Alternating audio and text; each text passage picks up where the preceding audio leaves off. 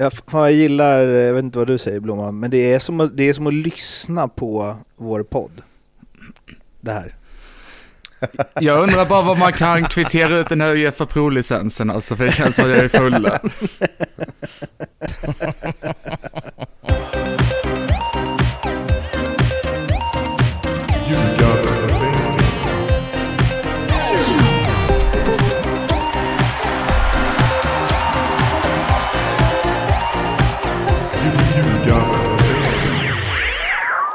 Dags för eh, Tobias Hyséns eh, favoritintro alla kategorier. Det här är Ljugarbänken i samarbete med Betsson. Och Tobbe, det här är ett avsnitt där du kommer få mycket utrymme tänker jag. Hur känner du inför det? Blir du blyg och tillbakadragen? Eh, ja, men det, jag kan tycka att det är inte mer än rätt för en gångs skull.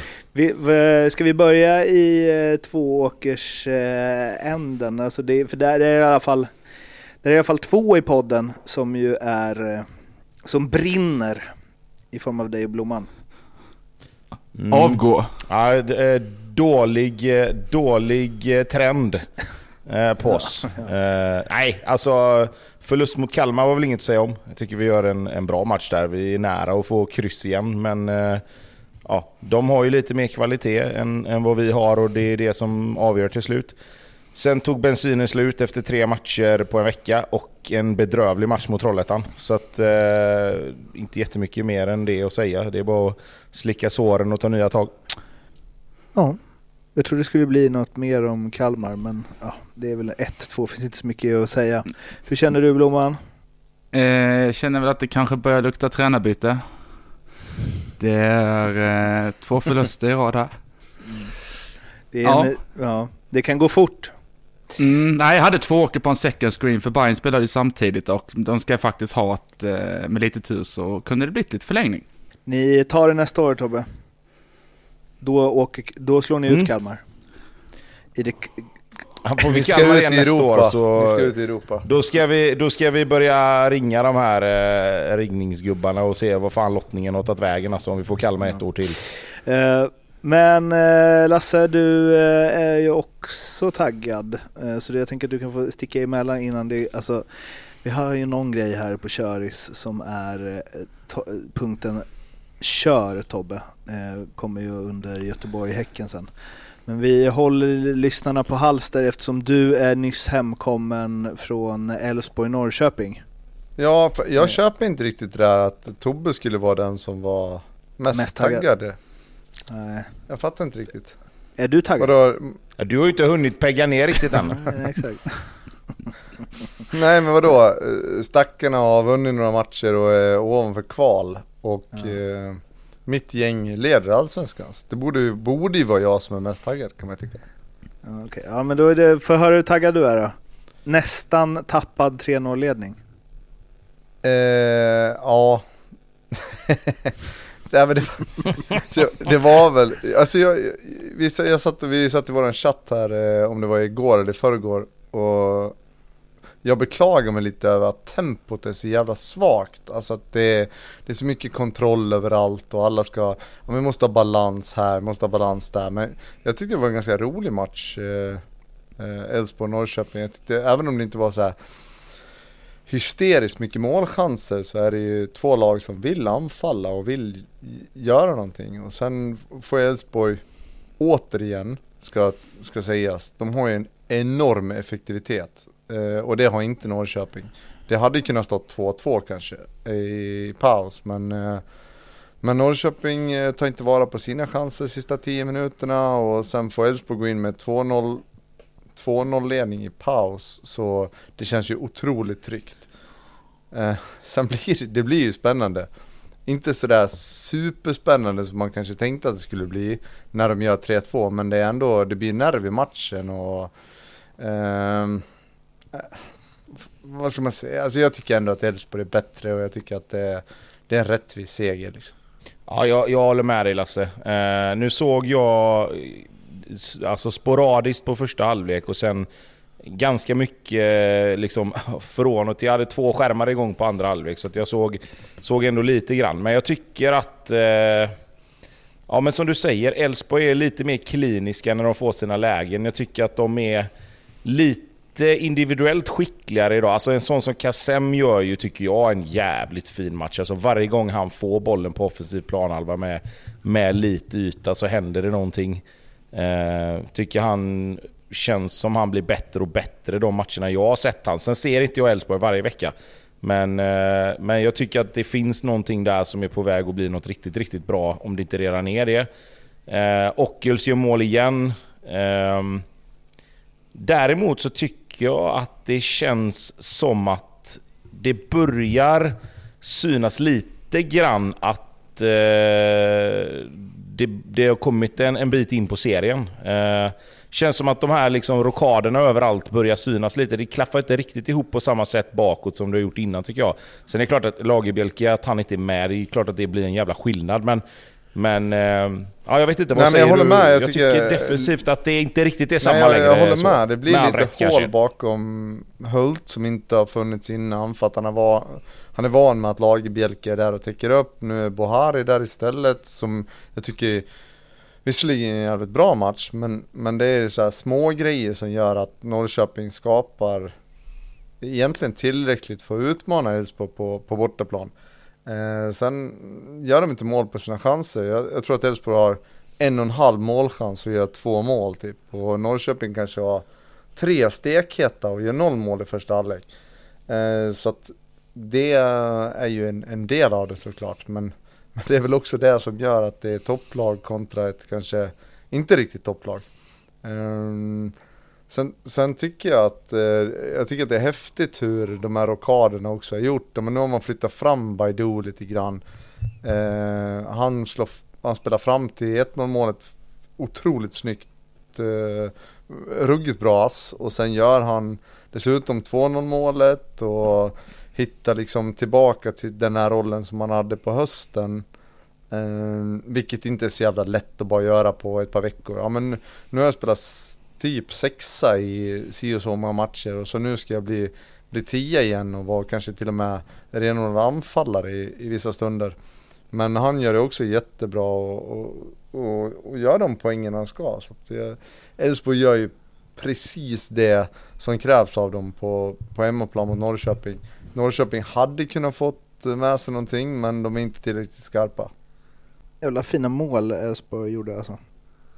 Jävla um, klass. Ja verkligen. Jag, jag brukar ofta liksom störa mig på Norrköpings försvarsspel men det var inte så mycket att göra där. Eller liksom, ibland får man väl också lyfta på hatten. Jo men det var lite det där också, nu Tobbe var inne på det med Kassem då, då kommer han in Bernhardsson skadad och så eh, Baidu hamnar i det här mellanrummet, sticker fram med ett, ett, ett instick och så, så slår han dit en ganska enkelt 1-0. Eh, sen har, eh, jag tror det är Lund och Nyman liknande situation, Nyman visst det är en superbra räddning också men just att du inte gör mål på de där hundraprocentiga chanserna det gör ju också att eh, att, att matchen hamnar där den gör liksom. Eh, de, de är inte tillräckligt effektiva i, i sitt anfallsspel Norrköping. Eh, Bernhardsson, där vet vi status på han eller? Ja, det är ingen fara, det var någon, eh, han har en genomtramp typ. Så att det, det var ingen större grej men eh, jag, jag skulle tro att han spelar redan nästa vecka. En liten grej om eh, Peking då. Jesper eh, Tollinsson eh, är ju utlånad i dit ett år. Och eh, ja, det känns som att du borde kunna sätta ett litet omdöme på, den, eh, på det lånet Tobbe. Eh, ja, men det... Jag tycker det känns som en, en mittback som skulle kunna passa Norrköping ganska bra. Eh, det är ju i första hand en, en spelande mittback som är bra med båda fötterna skulle jag säga. Eh, skulle kunna spela både till höger och till vänster i både en trebacks och en tvåbackslinje. Eh, kanske att han, eh, med tanke på att han inte har spelat eh, jättemycket matcher den senaste tiden, så behöver han väl kanske som alla lån eh, några matcher för att komma igång. Tyckte det syntes lite grann idag att med bollen var han bra men utan boll lite ja, men lite, hamnar lite snett i, i vissa situationer. Eh, det blir lätt att man, att man tittar vart, vart bollen är och inte riktigt har samma koll på vad, vad som händer runt omkring en när man inte är riktigt inne i matchtempo och har den tajmingen som man får av att spela matcher. Men eh, om han kommer upp i kvalitet och, och liksom Eh, Eh, hamnar på den nivån där jag tror att han kan vara så är det klart att han kommer vara ett, eh, eh, ett jättebra, liksom om man säger då nyförvärv eller en jättebra spelare för Norrköping under det, under det här året han kommer vara där. Jag måste bara säga en slående grej där då i, i den här matchen. Nu såg jag bara den matchen ikväll så att, och sen har ni sett highlights men det känns ju ofta som att allsvenskan drar sig mot att ja, men det, det krävs att att motståndarlaget ska göra ett misstag, tappa bollen på fel ställe för att det ska bli mål och så vidare. Här tycker jag det är lite snarare tvärtom i den här matchen där, där det är alltså individuell kvalitet eh, och eh, kvalitet rent kollektivt som gör att, att man skrapar fram de här målchanserna och, och, och även gör mål. Så att, eh, eh det var en kul match på Borås Arena. Sirius MFF, eh, en eh, 3-1-seger för eh, Malmö FF och trot eller ej, men Oliver Berg gjorde sitt första spelmål i årets allsvenska i sin första match för Malmö FF, vilket jag stör mig så otroligt mycket på att jag inte spelade på. För det var väl det givnaste spelet. Vi kommer till andra ganska svaga odds eh, senare i programmet när Tobias Hysén ska presentera sina spel. Men det här var väl ändå givet, eller? Alltså det är ju så irriterande, det är, ja det stod ju i stjärnorna såklart ja. men Hur kan man på, vad är det, 18 gånger inte ha gjort ett enda spelmål och så byter du klubb och så gör du spelmål i första matchen. Mm. Det är, nej, Fan jag blir sur på det på något vis. Jag vet inte varför. För jag bryr mig egentligen inte, men jag blir sur. ja, och så ett sånt jävla sorkskott som hade rullat till målvaktens eh, fot och han hade tagit emot det med fötterna och sen slått iväg den om han hade spelat i Djurgården typ. Um, nej, men det känns som att... Eh, alltså...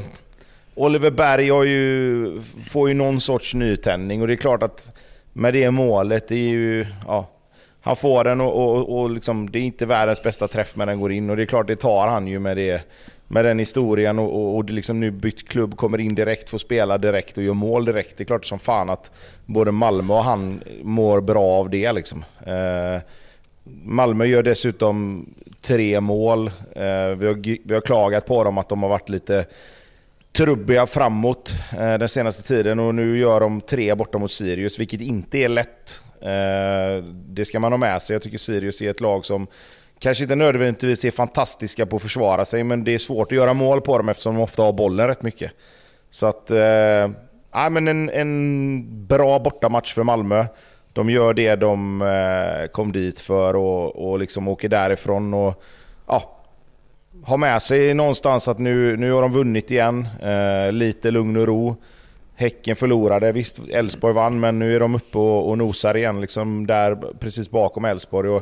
Ja, eh, jag tror att de eh, kanske börjar tugga igång nu. Jag men, hoppas de väntar någon omgång till men... Eh, men så, jag såg ju som sagt bara highlights där men det var väl lite svajigt ändå liksom. Det är några hyfsade lägen att göra 2-2. Ja, men, jo men det var det absolut. Alltså, det, det var inte så att Malmö gör en en, alltså en klockren bortamatch på något sätt. Men, men fortfarande, alltså man, man kommer upp till, till Uppsala, man, man eh, tar ledningen med 2-0 hyfsat komfortabelt ändå. Alltså visst, Sirius är ju alltid Sirius. Det, det, det går, alltså... nej, men så här, nej, men jag vet, det blir, det blir...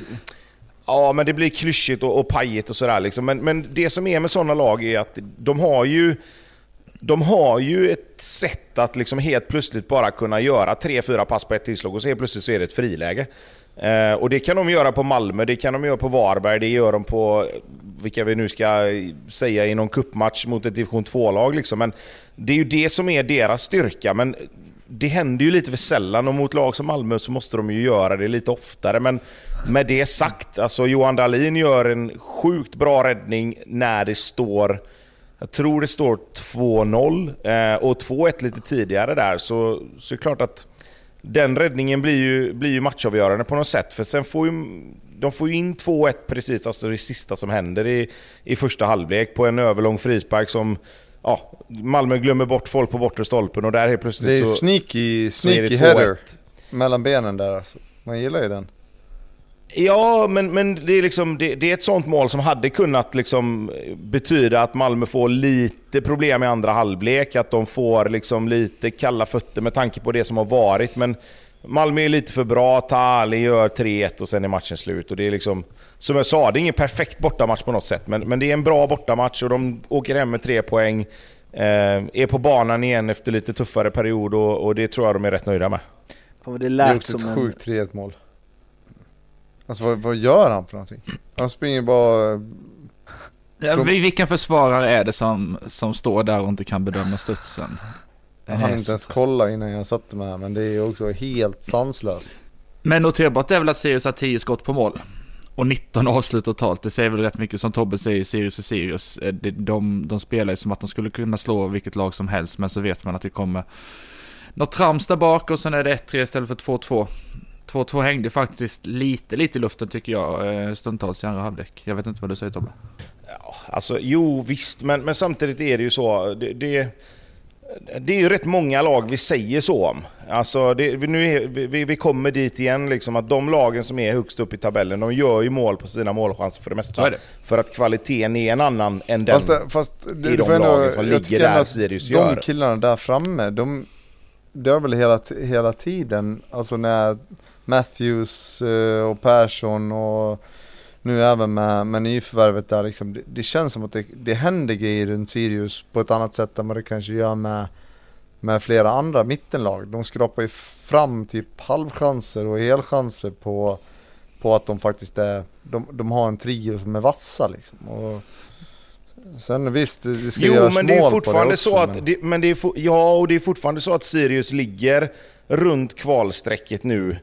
Trots allt liksom. Trots att vi har liksom tyckt att Jocke Persson och, och han... Eh, Abu, Abdu Ali, Abu Ali, Wassam Abu Ali, eller vad är det han Ja, heter? Han den nya killen. Han har ju gjort det Ja, och sen jättebra liksom. Matthews Absolut. får man inte glömma det heller. Jag tycker att han är en av de vassare spelarna offensivt i Allsvenskan. Men det är klart att poängskörden är ju det som kommer räknas så småningom. Men det är väl där du är inne på att alltså, gör du inte mål, gör du inte blir det inte en produkt av det till slut, ja men då, då blir det 3-1 istället för 2-2.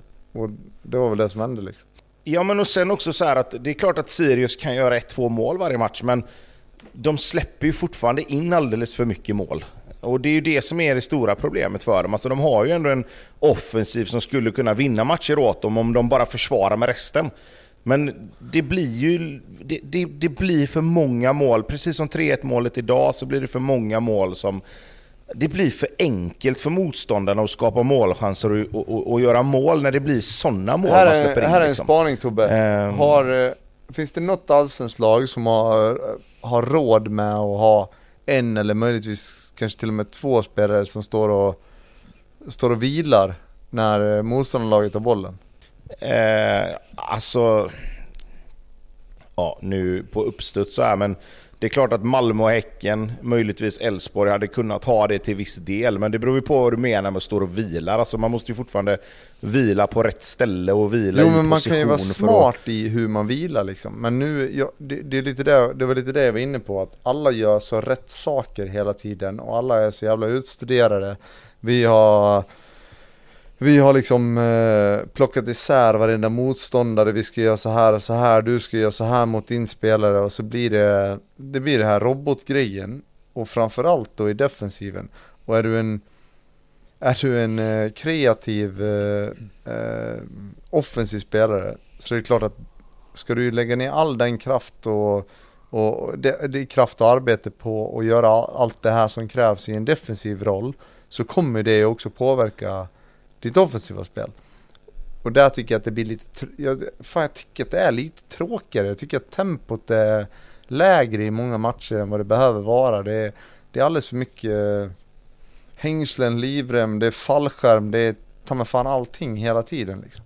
Ja, men alltså, ja, jag kan hålla med dig till viss del, absolut. Det är klart att man hade velat se de offensiva spelarna med lite mer energi för att de slipper jaga hem. Men jag menar, i ett lag som Sirius då som släpper tre mål oavsett hur många som försvarar så är det klart att den lyxen har ju inte de liksom. Ja, eller så Eh, precis för det så som är bra är ju problemet. inte de 7-8... För att de släpper in Ja, bollar nej, ändå. så är det ju. Och, ja, jo visst, men jag menar, säg då att två spelare till liksom skiter i att försvara så blir det ju problem ännu mer. Då kommer ju Malmö vinna tillbaka bollen. försvara. Jag säger bara att det har blivit ett sånt fokus på balans och vad alla andra lag gör hela tiden. Så att man kanske glömmer lite grann att, ja men, nu säger jag inte, vi har ju liksom ingen Messi, men men att de som kanske är mest kreativa i ditt lag, de kanske du ska spara lite grann i, i det offensiva spelet. Eller i det defensiva spelet för att de ska kunna göra det de är bra på. Men, om du Fan, Blom-. Jo, men alltså, ja, jo, jag, alltså, jag kan ju bara gå till, till hur jag själv eh, var. Jag la inte ner jättemycket jobb i det defensiva spelet när, när spelet hade kommit förbi mig. Men jag var ju fortfarande, jag var ju fortfarande så pass att jag visste att okej, här får inte, de får inte spela den på den här sidan av mig när de ska vända spelet. De får inte bara spela den här och den här passningen utan att jag i alla fall försöker stå i vägen. Sen är det klart att mitt jobb var att se till att okej, nu börjar det lukta bollvinst. Nu måste jag ta mig till en viss yta för att sen kunna liksom, utnyttja om vi vinner bollen. Eh, och och det, det är väl kanske snarare det som är det, det stora grejen, att man, att man när man försvarar lite mer passivt hamnar på rätt ytor och sådär. Liksom. Och det är klart att den, den smartnessen kan ju kanske saknas på vissa håll, liksom, tycker jag. Inte bara i den här matchen, utan överlag. Jag, fan, jag gillar, jag vet inte vad du säger Blomman, men det är, som det är som att lyssna på vår podd. Det här. Jag undrar bara vad man kan kvittera ut den här Uefa Pro-licensen alltså, för det känns som att jag är full.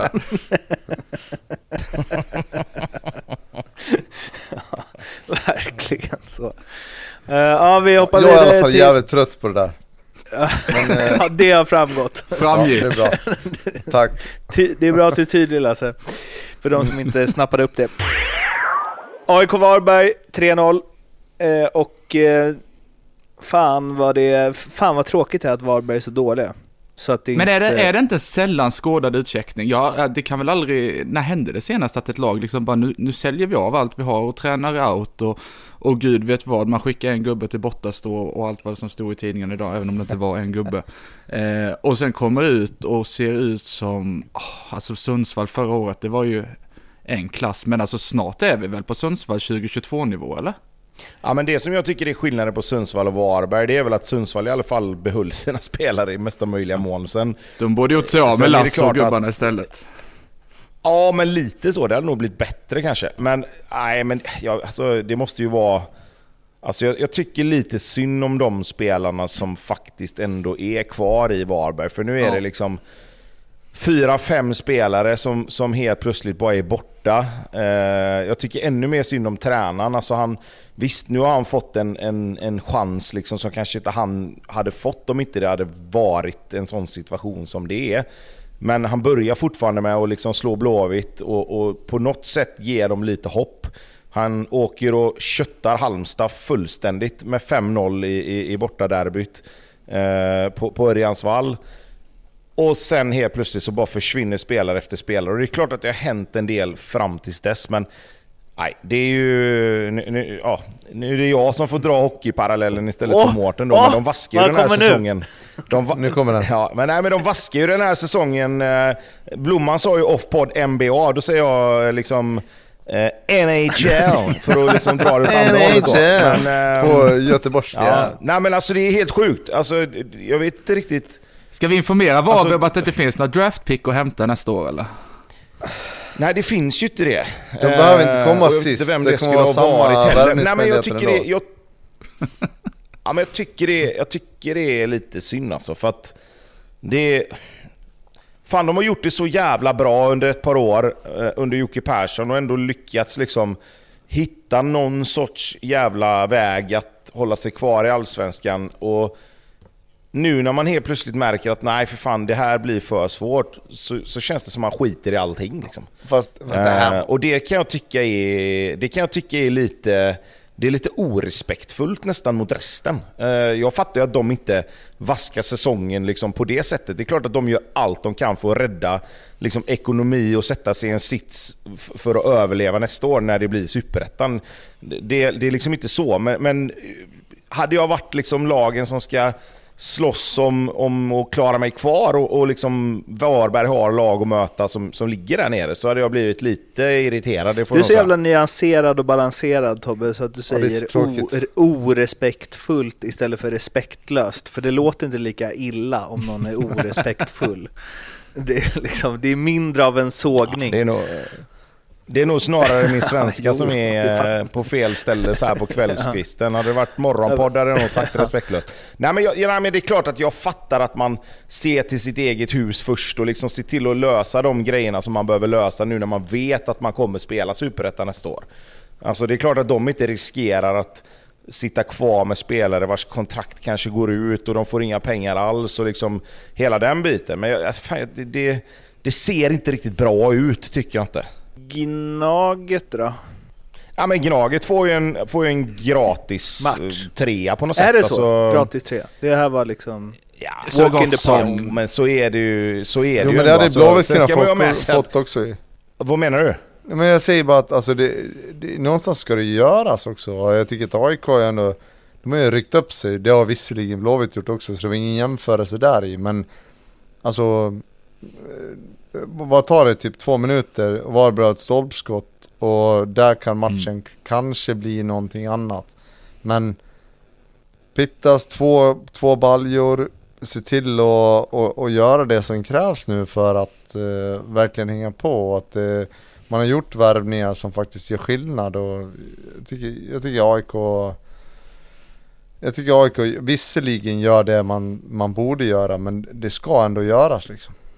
Fast du kan ju inte jämföra den här matchen som AIK vinner med den matchen som Blåvitt förlorar. För det är ju ett helt annat Varberg som är på plan idag mot vad det var på Gamla Ullevi. Sen var Blåvitt Men de har ju bedrövliga i den 48 matchen. spelare, det är bara att välja en. Jo, jo, jo, men alltså...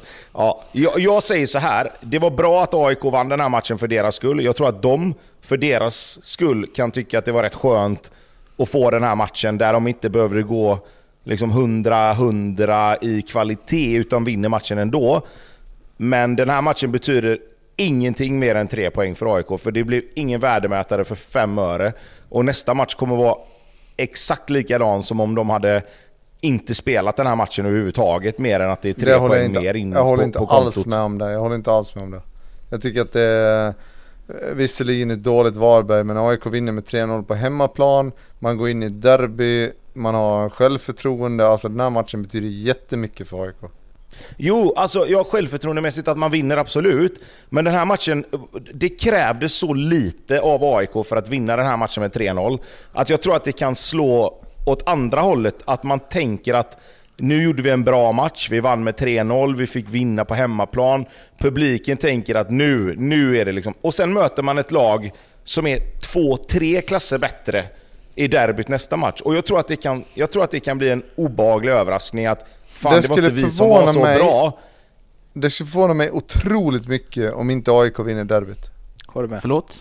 Ja, jag, jag, jag, jag säger inte att de inte kommer göra det, men jag säger att vinner de derbyt så är det liksom... Jag tror, alltså den här matchen är ingen värdemätare för om AIK är på gång eller inte. Möjligtvis att de får självförtroende och kan ta med sig det, absolut. Men, men den här matchen hade de vunnit 99 gånger av 100. Blomman, det var en liten blindside va? Ja, ja vi, vi, vi kommer väl till det. Vi kan väl återkoppla till det lite senare. Ja, absolut. Nej men jag, jag, jag, säger, jag säger så här, det är klart att, Lasse jag fattar vad du menar att det är jätteskönt för AIK att vinna den här matchen och att det har varit liksom så här, fan förlorar vi den här så är det kört och det är liksom kaos och det, hade, de, hade, hade Varberg gjort 1-0 när de skjuter i stolpen där så hade det kunnat bli liksom jobbigt för AIK. Men den här matchen hade AIK vunnit även om Varberg hade gjort 1-0. För det finns ingenting kvar i Varberg nu. Det finns ingenting i det laget som överhuvudtaget har med Allsvenskan att göra.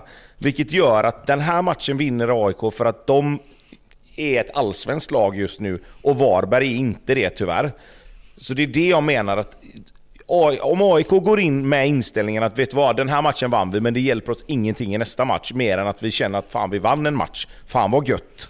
För att gör de, man, ja, visst, går, de in i nästa, fine. Men går de in i nästa match och Det tror att de är på vinst. gång, så kommer de få stryk. Det blir ju vinst mot BP för Varberg nästa i alla fall, det hör man ju. Det är utom all rimligt tvivel. Efter den här totalsågningen.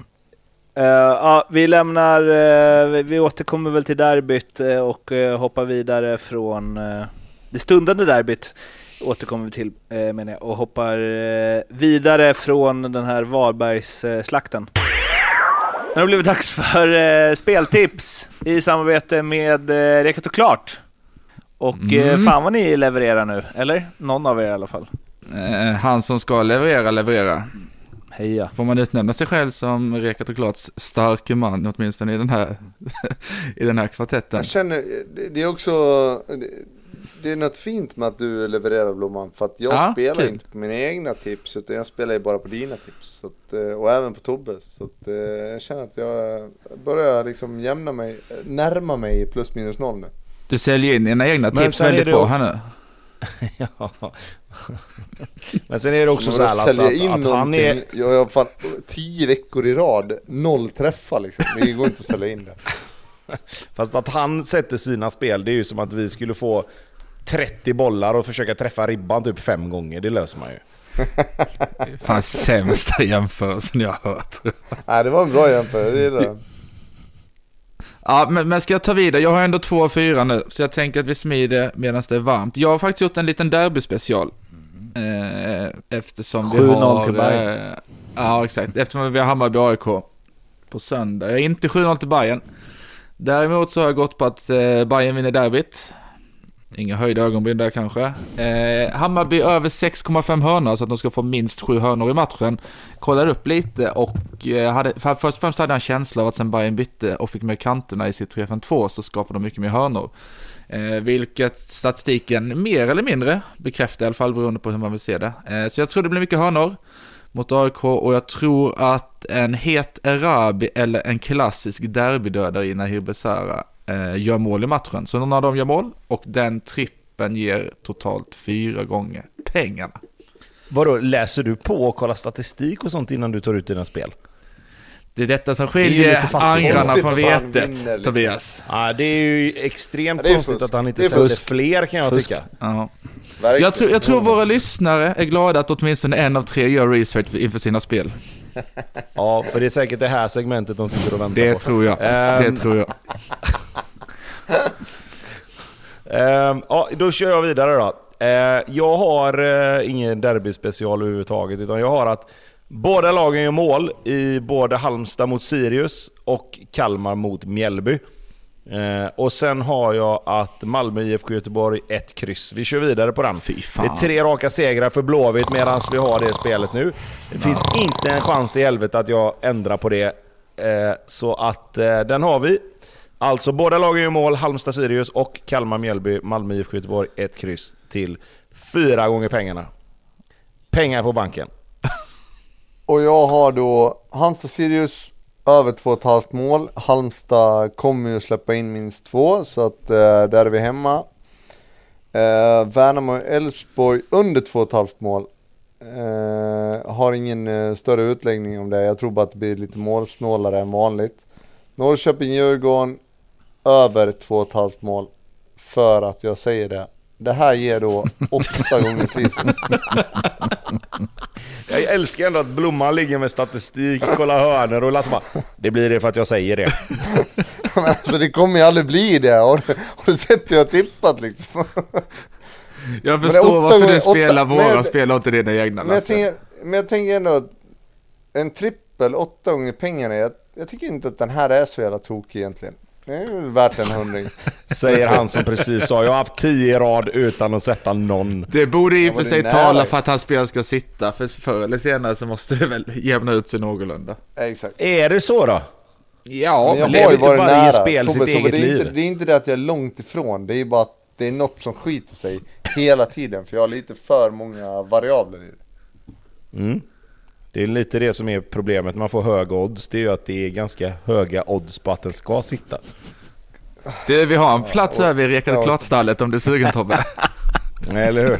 Ja, absolut. Ni kan, få, ni kan få mig som spökskrivare för motiveringar till grejerna, för där är jag stark. På tal, om, eh, på tal om spökskrivare så fick jag för eh, några år sedan ett förslag från eh, Aftonbladet där jag skulle då vara, det, var någon, det var någon grej i England där en fotbollsspelare skulle egentligen skriva vad han tyckte och tänkte om andra spelare och lag eh, Och så här, totalsåga, sen kom det ju fram vem den där spelaren var såklart, nu kommer jag inte ihåg vem det var Men jag fick den frågan av en eh, journalist i Allsvenskan och jag var så jävla sugen. Jag tänkte äntligen får jag säga vad jag egentligen tycker. Men jag sket i det. Var det bra pröjs Och, eller? det har skulle Pontus gått, det skulle gått under namnet Nils Larsson också. ja exakt. Eh, det var det. Uh, härligt att du bjuder på sånt under spelsegmentet. Eh, ni andra som har lyssnat på de här spelen, de finns hos uh, Betsson under godbitar uh, ljugarbänken. Kom ihåg, spela ansvarsfullt, du måste vara minst 18 år för att 18 år för att spela. Och behöver du hjälp eller stöd så finns stödlinjen.se. Göteborg, Häcken 4-2 i en match som inte jättemånga såg eh, komma va? Sa inte jag det i förra avsnittet? Så är det? Ja, Ja, kan, nu kan vara så. Ja, men jag undrar, vänta, jag, jag, tar, jag tar lite en uh, pinne där faktiskt. Mm. Det låg i luften. Vill du ta, Blomman, vill, du, Blomman hade 4-0 efter 60 minuter. vill du ta oss igenom matchen Blomman? Eh, nej, gärna inte. Kom hem i andra halvlek i ett segerhus, så nej. Inte Nej, jag. Tobbe? Eh, ja, jag kom också hem i andra... Nej, jag bara skojar. Ehm, nej, men alltså det är klart att... eh, Otroligt. När det står Otroligt 3-0 i, när det står 3-0 i helvligt... I, fan, sluta prata när jag pratar. Eh, när det står 3-0 i halvlek så är man ju otroligt nöjd med det. Kan du ge oss de För känslorna ingen- när du går in och tar en bärs i halvtid och det står 3-0 mot Häcken? Lite och precis orolig. fått en straff, Dahlberg limmar. Lite orolig. Ja, alltså grejen är ju så här att känslan från att tänka att det här kommer skita sig fullständigt när han blåser straff till fan vi kommer vinna med 5-0 när han tar straffen. Eh, Den, eh, den eh, liksom, nivån på känslor är ju lika stort som spannet mellan Ja, det- jag vet inte riktigt vad man ska jämföra det med, men det är klart att Nej, alltså Häcken har ju målchanser i första halvlek. De nickar en i stolpen innan Blåvitt gör 1-0. Eh, De har en omställning när Lukas Kåed lyckas peta bollen med Alltså, det vänstern. Han ska skjuta med högen. Alltså. Det är ju, Ja, men det- ju och- men- men grejen är att- precis där. Ja, och det hade det kanske gjort för en månad sedan också. Eh, för då hade Häcken varit lite mer kliniska och lite piggare och Blåvitt hade inte haft marginalerna med sig och de här rätt studsarna som, som de har nu. Eh, men de två lägena passerar, Blåvitt gör 1-0. Eh, häcken har en del spel utanför Blåvitts straffområde. Det blir lite situationer där det hade kunnat bli farligt. Sen gör Blåvitt 2-0. Eh, och sen så är det inte jättemycket mer som händer egentligen mer än att Blåvitt plötsligt gör 3-0. Eh, och när Blåvitt gör 3-0, det är ju en sån, det är ju ett sånt mål där man bara så här. Ja men det kanske är våran dag idag. Eh, överlångt inlägg. Ett, ja, Mackan tar ner den på bröstet, får in bollen lite grann. Oskar nickar den vidare. Santos går upp och vinner nickduell mot Peter Abrahamsson och så är det öppet mål för Mukolli och så står det 3-0 och man bara vad fan är det som händer? Eh, och sen då givetvis så tänker man ju bara att håll det här nu in till halvlek. Eh, eller halvtid. Eh, och så får de straffen och så räddar Dahlberg den och där någonstans så är det game over, tror jag. Även om det blir lite spännande så är det lite grann där att skulle, de, skulle Häcken vinna den matchen så hade de ju behövt göra mål där, så är det ju. Och det är ju understatement kanske, men det är ju bara att konstatera liksom. Vilken dålig straff. Eh, sjuk räddning. Nej, jag bara skojar. Ehm, nej, nej, den straffen är ju katastrof. Eh, absolut. Pekar ju nästan men, att men sen, alltså... Ja, alltså... Men alltså det här med att hålla Jo. på, alltså ska du vänta på en målvakt, då får du vänta på en målvakt. Du kan ju inte typ studsa till innan. och sen tro att det liksom, men nu kommer målvakten bli lurad. Alltså det är så dåligt så att det är helt sanslöst. Framförallt får du ha en plan om inte målvakten rör sig. Vad gör jag då? Ja, då får du ju ha, ja men exakt så. Det är ju det är ju oduglig straff. Mm. Ja, ja absolut, men den tar vi. eh, nej, sen 4-0 direkt i andra. Eh, och då tycker man ju att man känner... Jag kände i alla fall att okej, nu ska det mycket till för att vi ska förlora i alla fall.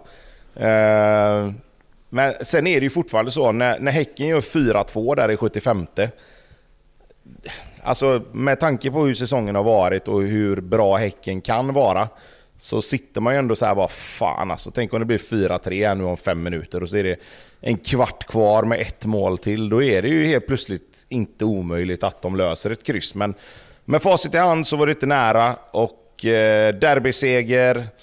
En jävla fin match med alla de tre offensiva spelarna inblandade. Dahlberg, kung där bak. Gustav Svensson och, och Hausner gör återigen en grym match. Och, eh, Mukolli och, och Oskar Wendt stänger ner Sadik. Så att, eh, ja. Den, eh, den var jävligt fin. Blir det elfte platsen? Ur då ett, eh, Eller? Ah, Men alltså, nu är det så här, nu är det tre raka segrar. Varav två av de här vinsterna i alla fall är ju mot Djurgården och Häcken som man kanske inte hade räknat in för en månad sedan. Eh, det är klart att de två segrarna är, är sex poäng som, som med tanke på hur säsongen har sett ut inte var, inte var poäng man räknar med som jag sa. Eh, men nu kommer det ju matcher, kanske inte nästa match, men, men sen kommer det ju matcher där man kanske ska ta poäng. Där man kanske hade räknat innan då att de här matcherna ska vi ta poäng och då måste man ju också göra det. För det är ju trots allt så att det är ju fruktansvärt jämnt där nere. Eh, AIKs vinst gör ju att det är en 4-5 lag nu som slåss om de här, liksom undvika de här två sista platserna ovanför Varberg. Ehm, och ja, jag vet inte, det, det känns som att det här vi har ju pratat om det med det här med Blåvitt AIK i, i 29 omgången. Den, den känns ju mer aktuell för varje omgång som går. Alltså låsen där Blomman, låsen där. Ja, det är allt jag vill i livet. Det är verkligen Ja. allt jag vill i livet. Ja, Fan vad man Ja, alltså jag kan säga så här, om vi står vi där med, med Blåvitt safe och, och AIK i något prekärt läge så kan det ju bli då kan det ju bli en, eh, en enorm payback för eh, 2009, så är det ju. Men det var inte dealen. Det var inte det vi hade kommit överens om. Du skulle ju se till att fixa oavsett, var det inte så? Jo, men vi sa ju att Blomman är välkommen att stå där om Blåvitt är safe och vi kan köra ner AIK. Var det inte så vi sa eller? Okej, när får jag komma då? Oavsett vad det när du står. vill. Du råd med egen loge. Nej, nej, du kan väl komma och sitta och titta på storbildsskärmen när Elfsborg plingar upp sina mål också. Det spelar väl ingen roll. Ja.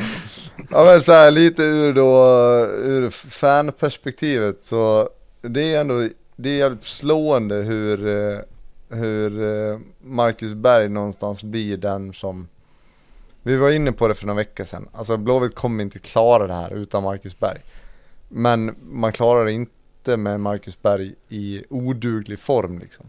Och sen ja, då satt han på bänken och match och jag tror Jag tror någonstans att den här elden It lit a fire up under his ass liksom, att han fick någon eh, det, det behövdes för att Marcus Berg skulle tända till lite igen och känna att ja, men jag har någonting att bevisa mer än bara det att jag vill hålla Blåvitt kvar i Allsvenskan och på sättet han gör det och hur smart han spelar sitt anfallsspel Alltså det, det, går ju inte annat än att hylla karln nu liksom. Det är så jävla bra gjort så att det är löjligt. Uh, ja, det, var, det var det jag ville säga. Eh, Nej, men jag tror så här att, jag, jag, tror det var, jag tror var Asko som, som kommenterade det här med hur det har kunnat bli så med Mackan. Och han sa att han kanske behövde få känna att han behövde tävla om sin plats lite. Eh, han har ju varit supergiven för att det inte har funnits någon annan ganska lång tid. Eh, och det är klart att Mackan vet att han måste vara bra för att Blåvitt ska vara bra. Och det är inte det att jag tror att han tar det för givet på något sätt. Men lite grann ändå så här att, ja fan nu, nu blev han petad någon match. Alltså han, han kanske behövde bli lite förbannad som du sa Lasse. Han behövde få den jävla smällen att vet du vad? Nu har du varit så dålig att du inte ens får spela. Och fatta hur dålig du har varit då. Med tanke på vilka som är bakom. eh, och, och den liksom kicken i arslet tror jag han mådde bra av. Och han, det var som vi sa när han kom in mot, eh, om det var, var det Degerfors eller Djurgården? Djurgården var det nog han kom in va? och såg förbannad ut. Alltså han såg arg ut. Man såg i ögonen på honom att det här är fan inte okej.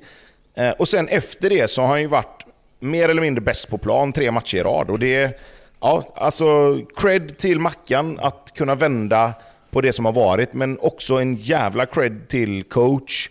Våga som har honom. hittat ett sätt att... Ja, och sen hittat ett sätt att trigga igång honom och få med honom i spelet på ett sätt som han inte har varit innan. För nu är det ju han som får de flesta avsluten och så har det inte riktigt varit heller innan. Klass i alla fall. Hör. Men om vi ska prata om motståndare lite snabbt då. För det är ändå ett Häcken som minst sagt har börjat svaja. 2-0 mot Aberdeen i torsdags, blev 2-2. Eh, kunde blivit ännu värre. Och sen nu liksom släppa fyra här. Vi har varit inne lite på att de har haft lite flyt hemma i tidigare matcher. Det har varit, det var väl BP hemma som var rätt jämn, men som blev typ, vad blev den, 4-1, 4-2 eller någonting till slut. Och sen var det ju 3-2 mot Sirius efter att Sirius hade lyckats skicka upp den i eget kryss i sista sparken.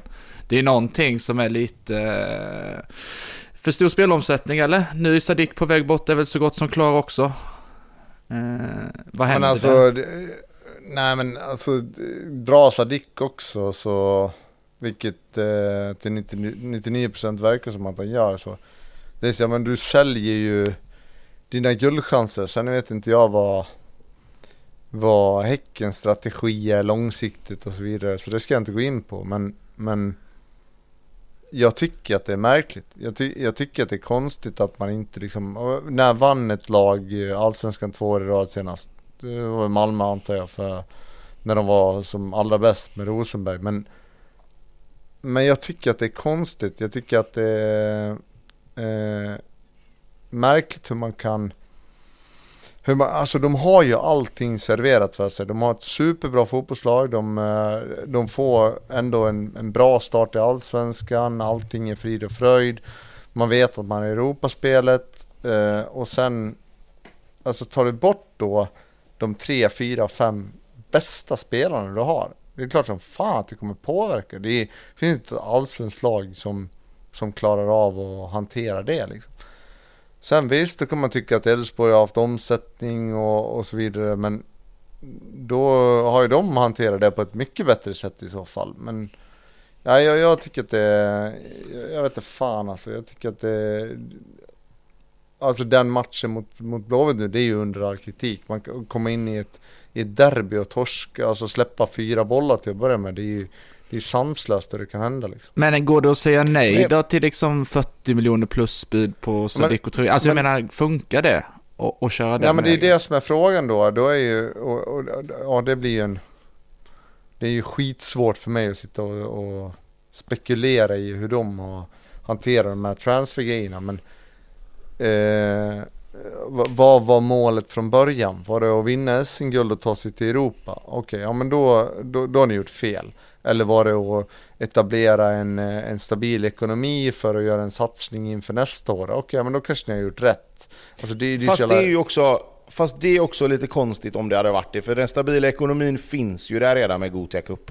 Jo, fast att vara Alltså- självförsörjande via fotbollen är ju en helt annan sak än att typ ta, ta liksom pengarna från, från Gotia-kassan. Så att jag tror att Nå, fast, fast jo, jo, jo, jo, Jo, men, det, jo, måste man, det måste man räkna med i det alltså. Jag tror att det är en viktig Jo, grej men jag, liksom, tror, att- nej, men jag tror så här, alltså att de skulle sälja de här två spelarna, Traoré och Sadik, för att någonstans bara, men nu bygger vi en ekonomi som kan hålla kvar oss i toppen av allsvenskan de närmsta tio åren. När man har chansen att, okej nu vann de SM-guld. Så att nu har de, nu har de kommit över den milstolpen, alltså kommit in med den milstolpen. Men nu har de ju ett Europagruppspel och, och de har ju, alltså det har vi varit inne på förut, de har ju en lottning i det här liksom Europaspelet som är den lätt, alltså lättaste slash minst svåra som ett svenskt lag har haft på länge. Liksom. Alltså de lagen som de har slagit under, alltså, eller fått möta under den här grupp, eh, liksom, eh, vägen mot ett gruppspel. Alltså man hade ju, det hade man ju tagit alla dagar i veckan. Ja, ja, om man 100%. jämför med vilka lag andra, andra får Ja, möta. verkligen. Liksom. Alltså, men jag menar, jag, jag, tror så här att det här med Sadik och, och Traoré, jag tror att det är svårt att behålla de spelarna med tanke på att de ändå har gjort dels om man säger då, Traoré är ju en sak eftersom han var skadad. Där tror jag man är så här, eller framförallt han kanske och hans liksom crew. Vad händer om jag blir skadad igen? Alltså jag måste få ta den här chansen nu och jag tror att Häcken tänker så här, där har vi ändå så att vi kan, så att vi kan täcka. De plockar in Ristic nästan direkt. Visst, någon, två, tre veckor för sent för att, för att lösa Champions League-kvalet. Men just med Sadik här nu, jag tror att jag tror det är svårt att säga nej till spelarna också. Alltså, någonstans är det, får de skäligt betalt, vad de kanske har lovat honom, att får vi ett bud i den här regionen så kommer du få lämna. Mm. Då kan man inte bara skita i det får, för att det är nej, plötsligt... Men det, det får du ju aldrig säga då i så fall, och jag tror att det det är väl kanske rutin Nej men du kan heller inte... Du, nej men jag tror nej, att det, du kan heller det handlar inte, väl om Du kan heller inte säga nej bara för att du helt plötsligt börjar knacka lite i spelet liksom. Nej, verkligen alltså... inte. Men jag säger att det handlar, det handlar väl om, har du, hur många gånger har du varit i en sån situation? Alltså nu har ju Häcken en situation där, där klubbar i Europa drar i alla deras spelare. Det kanske inte har varit så ofta som det har hänt tidigare. Och, och då handlar det ju om alltså erfarenhet och hur hanterar vi den här, den här frågan nu liksom och vilken spelare är viktigast att behålla och så vidare. Och, Alltså hade man gjort klart med Traoré till AZ om sex månader eller fyra månader eller vad det nu är och så spelade du klart säsongen. Det hade väl varit en ultimat. Det kanske inte gick att göra det. Men det är ändå sådär att hade man hade man haft eh, tillräckligt mycket muskler eller tillräckligt mycket erfarenhet eller eh, alltså preppat spelaren för vad som gäller lite grann, då kanske det hade varit ett annat scenario. Det jo, men, men är, det inte, är det inte bara så att det handlar väl också lite om att sända en signal liksom till framtida värvningar och sånt. Om man plockar hit unga killar liksom, oavsett var de är ifrån, så är det väl lite så att vi sätter oss inte på tvären om det kommer ett hyfsat bra bud och så vidare. Det, det är väl lite så man får tänka också.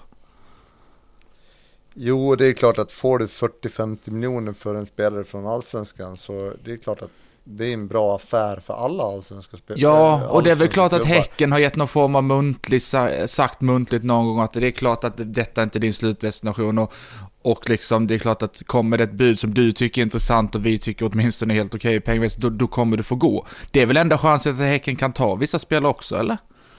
Ja, men, ja, 100% ja. så, 100% så. Men det man glömmer i det här resonemanget, det är att det kan ju inte vara tre, fyra, eh, alltså Nej, exakt. ledande spelare i en startelva som går under samma fönster. Det är det som är... Absolut, det håller jag med om. Där, Nej, där, kan jag, där kan jag hålla med dig, där kan jag hålla med dig Lasse till 100% För nu är det både Olden Larsen, Traoré och Sadik i så fall.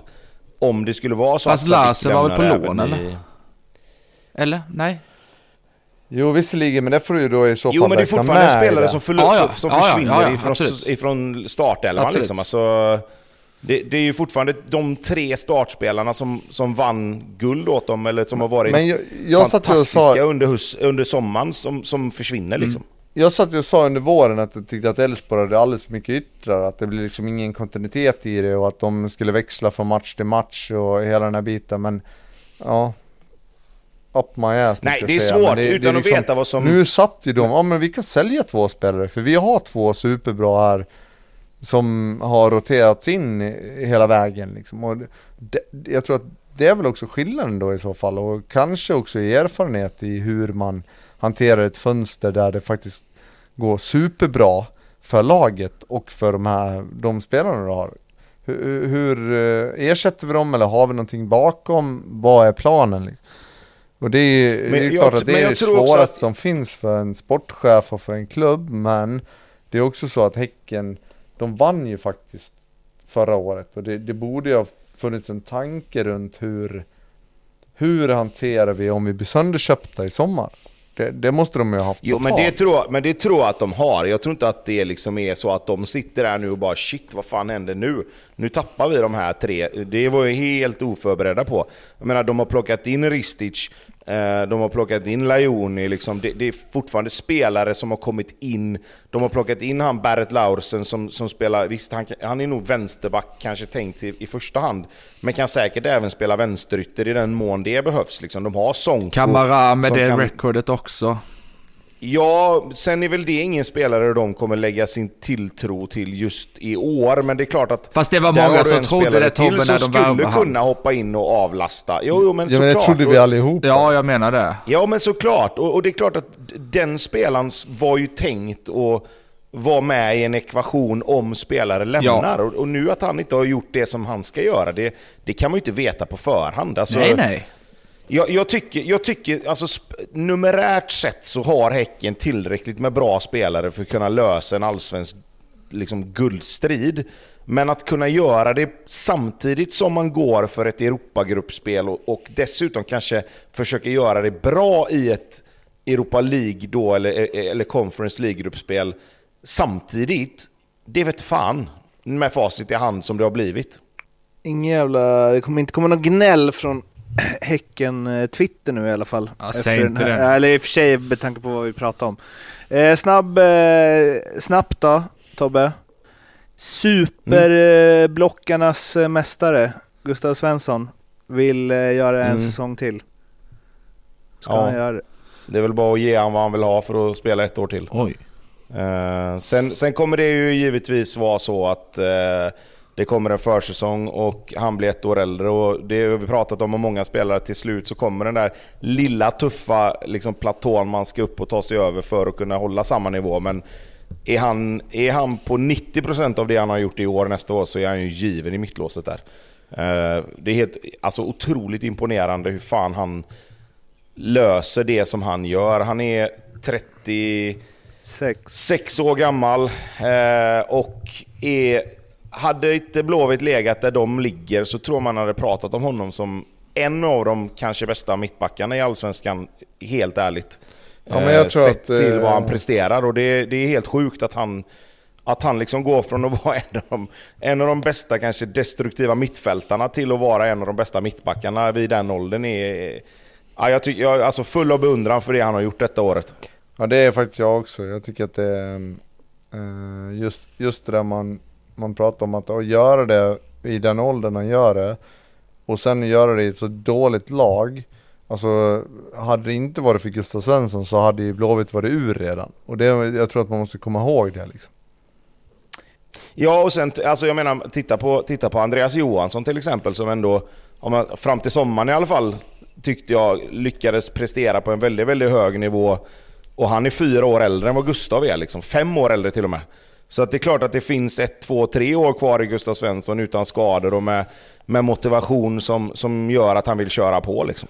Sen är det där också en viktig grej att om du har då eh, kulturbärare, kalla det vad fan du vill. Eh, så det måste, det, jag tycker klubbarna är generellt rätt dåliga på det där att eh, men ge dem en chans. De här spelarna som har gjort si och så mycket för din förening. Men ge dem en chans att avsluta på det sättet som de vill göra det på. Inte för att de blir borttvingade och det kommer att generera en positiv anda runt din förening efteråt liksom. Alltså det, man får inte glömma det att de här killarna, om det då är Gustav Svensson, ja men tyvärr, du får inte vara kvar nu nästa år. Eh, så kommer det skapa en irritation i honom, i människor runt omkring honom och även eh, i fanskaran liksom. Så att eh, det är klart som fan att han ska lira om han vill lira och om han är frisk liksom. Det är 100% så. Jag måste pissa, vänta en skumma. Vi kan ta, vi kanske ska ta Halmstad Värnamo under tiden. Jag tänkte faktiskt säga det. Eh, Ska vi göra det? Ja, det är lika bra. Ja. Ja, där var vi klara med det och så går vi vidare till nästa match. Det var faktiskt, eh, alltså jag hade inte superhöga förväntningar när jag liksom dukade upp ostbågarna och eh, gin och tonicen och tryckte på play på Dplays Discovery Plus, heter de det nu? Vet du vad jag tänkte när jag såg det highlights-paketet igår? Då tänkte jag, Otroligt! hade man, Vilken match! hade man, sutt, hade man suttit och kollat på den här matchen, då hade man klickat att det skulle bli mål i matchen på något Ja. livespel någonstans. För herregud vad det skapades läge. så! Det var ju den, Ja, det ja, var ja. den, eh, nu ska vi se här, eller nej, det behöver inte, det är den bästa, det är den mest underhållande 0-0 highlights-paket på fyra minuter jag sett i Allsvenskan. Ja, det, det, det är i alla fall Europaplats på den. Så kan vi säga. Men frågan är då, är det, är det, är det en bra match då med tanke på att det ändå inte blir mål? Eller är kvaliteten så dålig att man blir så här förbannad att det faktiskt inte Ja, blir det var mål? både och tyckte jag faktiskt. Eh, Det var, det var ett par rätt svettiga räddningar, sen var det ett par, ett par beslut som inte hade tagit en bänkplats i Skövde AIK. Eh, lite däremellan var det väl.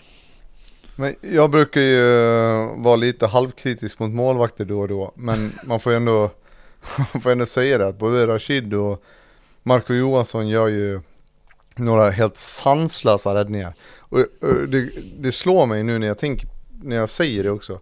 Vad hade, hur hade HBKs eh, defensiva, alltså hur många mål har de släppt in utan Marco Johansson de sista omgångarna? Alltså det känns som att han har gjort helt sjuka räddningar. Fast han har också, det har också blivit rätt mycket mål. Ja, fast han, men det är ingen utav målen, som jag kan komma ihåg i alla fall, som vi kan lasta honom för. Det är inte så här, jag tappar in två bollar i första halvlek och så torskar vi med 4-0, utan alltså han har ju bara gjort han har gjort mer än vad som krävs egentligen och ändå får de stryk och släpper massa Släpper massa mål liksom. Så det, nu för en gångs skull så tar jag målvakternas parti. I, I just den här matchen så så får vi ändå hylla dem. Rashid gör några ruggiga räddningar, han har lite tur på någon hörna där. Det är någon Någon nick eh, från Valentin som går rätt i, i nyllet på honom typ. Men Men Marco gör ju några helt ruggiga räddningar liksom. Värnamo-Halmstad, årets 0-0 match i Allsvenskan. Kan vi utse den nu. Djurgården-Degerfors. Eh, eh, såg eh, Djurgårds Twitter skriva kring att att eh, Degerfors är det sämsta laget de mött i år och att det egentligen inte säger något om Djurgårdens insats för att Degerfors var otroligt, otroligt dåliga. Men det var väl bra att passa på att göra lite mål med det då med sig in i det här så eh, eh Musa Gurbanli fick göra eh, två. Passa på att bränna en straff också när han ändå var igång. Och eh, Magnus Eriksson återigen kanske bäst på plan. Eh, Wikheim var i och för sig uppe där också. Eh, men jag vet inte om, om man ska gå på hur dåliga Degerfors var så är det väl lite AIK Varberg-läge här. Men eh, Känns ändå som att Djurgården kan ta med sig en del från den här matchen. Ni eh, fotbollsproffs, eh, Kurbanli där, tror ni han kan, kan man ha någon sån där hattrick eh, bonus i kontraktet eller? Är det vanligt? Möjligtvis målbonus men hattrick-bonus har du ju inte. Nej. Nej, du, jag tror inte de har målbonus heller. Alltså, Är det fint ändå när han kliver fram i 58 och ska ta straffen själv för att jobba in ett hattrick annars? Fast det tror jag mer handlar om att han är forward och precis har gjort två. Ja. Du ska göra ett hattrick utifrån det, liksom. det. Det tror jag nog att man hade kanske... Hade jag gjort två mål i en match, och även om inte jag hade varit straffskytt och det hade funnits en chans att typ liksom vinna skytteligan eller varit ny, ny i ett lag och, och liksom kommer som en profilerad värvning så hade man nog kanske velat göra det där hattricket för att verkligen, verkligen trampa igång. Jo men det är klart, Eh, men han men är alltså en- det här med målbonus hoppas jag inte, alltså det hoppas jag verkligen inte finns för att jag vet Men inte, det nu är existerar sån att fortfarande. jag kanske... Det existerar fortfarande men det är inte i samma utsträckning Ja, som jag, det jag kanske är otroligt kritisk till det i så fall, för att det blir, det blir helt fel Hade jag. inte du målbonus i Kina Tobbe? Poängbonus kan jag köpa, alltså poäng, nej, men poängbonus kan jag köpa i så fall. För då är det liksom både mål och assist och då kan du ändå liksom någonstans försvara det med att... Jo men det är svårt att göra assist på har en straff gubbe- Tobbe. Jo, men alltså, nu menar inte jag nödvändigtvis just straffen. Jag menar mer generellt sett det här med målbonus. Vad, jag Ja, vet nej, inte vad det- det, skulle vara bra för Nej men egentligen. liksom. poängbonus finns ju fortfarande, så är det ju. Frågan kvarstår om Tobias Hysén mål. hade målbonus i Kina. Nej, nej, nej, nej, absolut inte. Det vet jag inte ens om jag tror på. Hade du inte det? Nej, det hade jag inte. Nej, det hade jag inte. På riktigt. Ja. Mycket bonusar hade jag, men ingen Ah, målbonus. okej. Vad är den konstigaste bonusen ni haft? Ehm, vi hade en bonus där, där vi för varje gång vi vann matcher i rad fick liksom mer bonus än matchen innan, om du fattar. Så vann vi två matcher i rad fick vi dubbel bonus, vann vi tre matcher i rad fick vi trippel bonus. Eh, och det var inte alltid det var så. Men vi hade också efter varje match i första året i Kina så satt presidenten och drack vin med sin familj och med sina medarbetare. Och då hade vi en australiensare som passade på att gå fram och bjuda honom på ännu mer vin och sen bara double bonus, double bonus. Och när han då gav tummen upp och skrattade så var det ingen som, då var det ingen som kunde säga någonting om det dagen efter sen, utan då var det ju det som gällde. Var det McBreen eller? Eh, Jajamän, Ja, kung. jajamän. Ja, ja, han har ju för fan varit med. Jajamän. Det är ju poddkändis ju. Ja, ja, ja visst, absolut. Va, va, Saint-Étienne hade ju den bästa bonussystemet För att då var det ju så här, oavsett om du spelade Var du bara uttagen i 19-mannatruppen så fick du ju samma bonus och sen var det ju beroende på motstånd. Eh, Men eh, eh, jag kan inte säga att jag i mitt liv har varit så glad över en seger över att sitta på bänken Som jag var då liksom. Det var ju det var ju jackpot varje gång när vi vann Men eh, sista... Ja, men den hade eh, vi nog... Ja, kör Tobbe, kör, kör. Ja men den hade vi nog, den hade vi nog liknande i, i Sunderland tror jag. Där var det så här, var du inne på planen, alltså blev du inbytt eller startade, så fick du vinstbonus, alltså full vinstbonus. Och satt du på bänken hela matchen utan att komma in så fick du typ hälften eller vad det var. Så det bytet in i 93 det där, det tog man ju alla dagar i veckan. Eh, En Jo, sista, en sista det är det som är skillnaden, i, i, i Saint-Étienne så var det ju liksom rätt av på alla 19 spelare så alla firar ju som att de hade vunnit VM när det var liksom 89 2-1 där. Egentligen pissur för att man inte har fått spela men ja, jag tar det liksom. En, en sista bonusfråga där, har ni köpt något kul någon gång för, för bonuspoängen? Ja, ja. Något bonusköp? Tobbe, jag har inte höga förhoppningar på dig, men jag tänker att Lasse kanske gjort något lite roligare. Ja, Alltså, nej, jag, jag, jag har gjort så mycket dum, jag- dumt så att eh, jag orkar inte ens gå in på det men eh, det är också Patreon. något eller? dåligt Ja. ja, det är fan Patreon Ja. på den. Tobbe satt inne på någon Nej, jag har pensionsfond inte- eller något. Jag har inte, nej jag har inte varit, eh, nej jag har inte faktiskt inte köpt något så här riktigt jäkla, eh, vad heter det, illa liksom så. Det kan jag inte säga. Det har jag Blomman, det har jag. Ja, det, det vill jag höra mer om. Han köpte en stuga i, vad heter det, Elverum eller vad heter det? För en bonus. Det fan bra alltså. Ja. Bra bonus. Ja. Bra matchbonus. Vad när du har när du har vunnit 12 matcher i rad? Alltså hur många matcher Men vann ni i rad som mest Tobbe? För det kan ju bli hur högt som helst. Alltså, Ja, jo, men jag tror att grejen var att så fort det blev oavgjort i någon match så gick ju den där ner på ett igen liksom. Eh, Så jag tror att vi hade, vad hade vi tre eller fyra som Man kunde inte stanna och köra så här deal or no deal. Du vet att man plockade på fyra raka. Och sen så fick man börja om själv på femte även om det blev vinst igen. Så att man aldrig blev av med det. Deal or Va, no vad deal. menar du? Nej, så att du plockar, du cashar hem den. Så att du säkrar din andel. Eller okej, Du andelen levde hela Nej, tiden. men Ja, alltså, den levde du hela fick ju, tiden. ja, men säg att du hade 100 spänn i bonus. Så fick vi ju 200 spänn, alltså andra matchen Ja, då fick vi man ut 200 det. Okej, spänn. okej. Jo. Och Jo. tredje matchen fick vi 300 spänn, fjärde matchen 400 spänn. Så det, sen, Ja, det spelar ingen roll om vi förlorar match Men det fem, hade liksom. varit jävligt roligt om du då hade haft istället för 200 så, så säkrar du 150 så sa du det innan matchen va? Nej men sen var det också så här, där var ju också, där var ju också på, på tal om motstånd och sådär liksom, mötte vi något av de stora lagen så var det så här, jag kommer ihåg vi mötte ju Beijing hemma, då hade vi vunnit två matcher i rad. Då var det så här, då var det tre gånger bonus om vi skulle vinna. Sen vann vi ju den mot dem och de hade ju typ aldrig slått dem. Det var ju liksom som att, eh, ja vad fan ska man säga? Det är som att BP hade slagit AIK på Friends typ. Alltså då fick vi ju tre, tre gånger, alltså tre raka segrar gånger två. Så då var det ju typ sexdubblig bonus på något jävla vänster. Jag kommer inte ihåg Fan exakt man gillar det då alltså. Tänk att möta Ja, till, det tänk att var, möta där var han fin, presidenten efter ett par glas vin. Tänk att möta till Varberg hemma och gå till presidenten och säga kvitt eller dubbelt. Ska vi köra kvitt eller dubbelt ikväll? Ja, precis. Ja, så är det. Men, tillbaka till matchen lite grann, man måste ändå bara säga det. Nu, Varberg ligger dyngsist och har släppt in 41 mål. Degerfors. Degerfors ha- har släppt in 47 mål. Och att de då släpper fyra mot, eh, mot Djurgården på bortaplan, det är inte överraskande på något sätt. Eller? Nej, Nej. nej, och sen så här, alltså du kommer upp, du kommer upp till en match Alltså där Djurgården ändå lite grann, alltså det är inte, Djurgården har inte varit superbra på slutet heller.